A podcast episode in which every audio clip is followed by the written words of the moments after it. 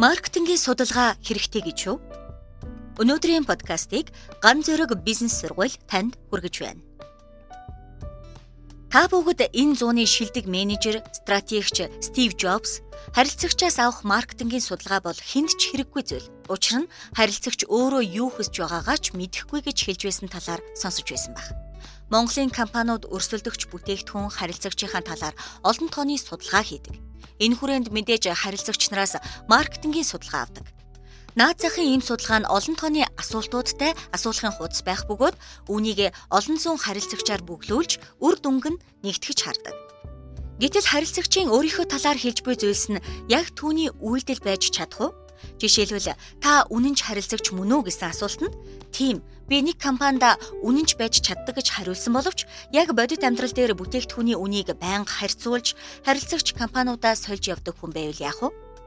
Сэтгэл зүйч нар олон жил судалгаа хийж үзээд үнэн хэрэгтээ хүний өөрийнхөө талаар хэлж буй зүйлс нь түүний үйл хөдлөлтөд барагтай л бол нийцдэггүй гэдгийг нээсэн. Энэ чиглэлээр хит хитийн сэтгүүлч нар Нобелийн шагнал аваад байгааг та бүгд магадгүй сонссон биз ээ. Хэрв Стив Джобс иргэдээс та ямар гар утас хүсч байна гэж асуусан бол хин нэгэн хүн би touch screenтэй смарт утас хүсч байна гэж хэлэх байсан гэж юу? Та сайтар энэ талаар бодож үзээрэй. Яг энэ талаар Стив Джобсоос 100 жилийн өмнө Хенри Форд хэлсэн байдгийн. Тэрээр Хэрвээ би Америкийн ард түмнээс та ямар унаа хүсч байна гэж асуусан бол тэд илүү хурдан давхидаг морь гэж хариулах байсан. Харин би тэдэнд Ford-ийн T моделийг үйлдвэрлэж өгсөн юм да гэж нэгэн цагт хэлсэн байдаг. Хүмүүс өөрсдийнхөө талаар боддог бодол нь түүний үйлдэлтэй нийцдэггүй гэдгийг бид харлаа. Тэгсэн боловч маш олон бизнесийн сэтгүүл номонд харилцагчаа сайтар сонс гэж номлодгийг та бид мэднэ. Инхээр мэдээж таны толгой эргэж үж магадгүй.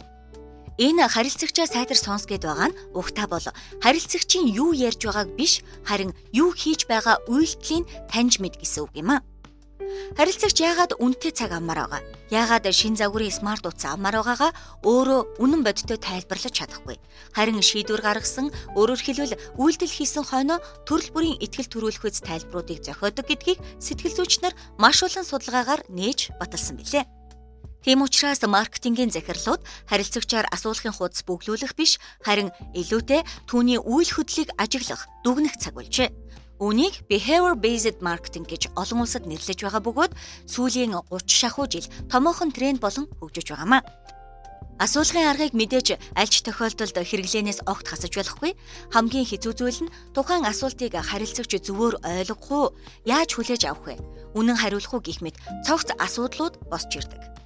Иймд асуулгыг зохиож байгаа хүн сэтгэл зүйн ухааны бүрэн дүүрэн мэдлэгтэй хүн байх ёстой.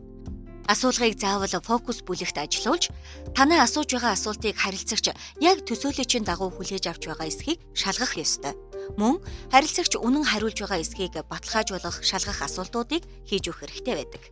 Товчхондоо хэлэхэд асуулгыг зүгээр нэг хүн зохиочиход болохгүй. Асуулга зохиох, асуулт оруулах, асуулгыг бөглүүлэх, үр дүнг нь нэгтгэх, өөрөө хойноо шинжлэх ухаан, олон улсад хүлээн зөвшөөрөгдсөн стандарт, арга ухаанд нийцсэн байх ёстой гэдгийг мэдхэд илүүдэхгүй. Үгүй бол буруу асуулгын дүнд буруу дүгнэлттэй л үлдэх болно. Ган зөрөг бизнес сургуультай танилцахыг хүсвэл Ган зөрөг цэгийн мэн вебсайт руу зочлоорой.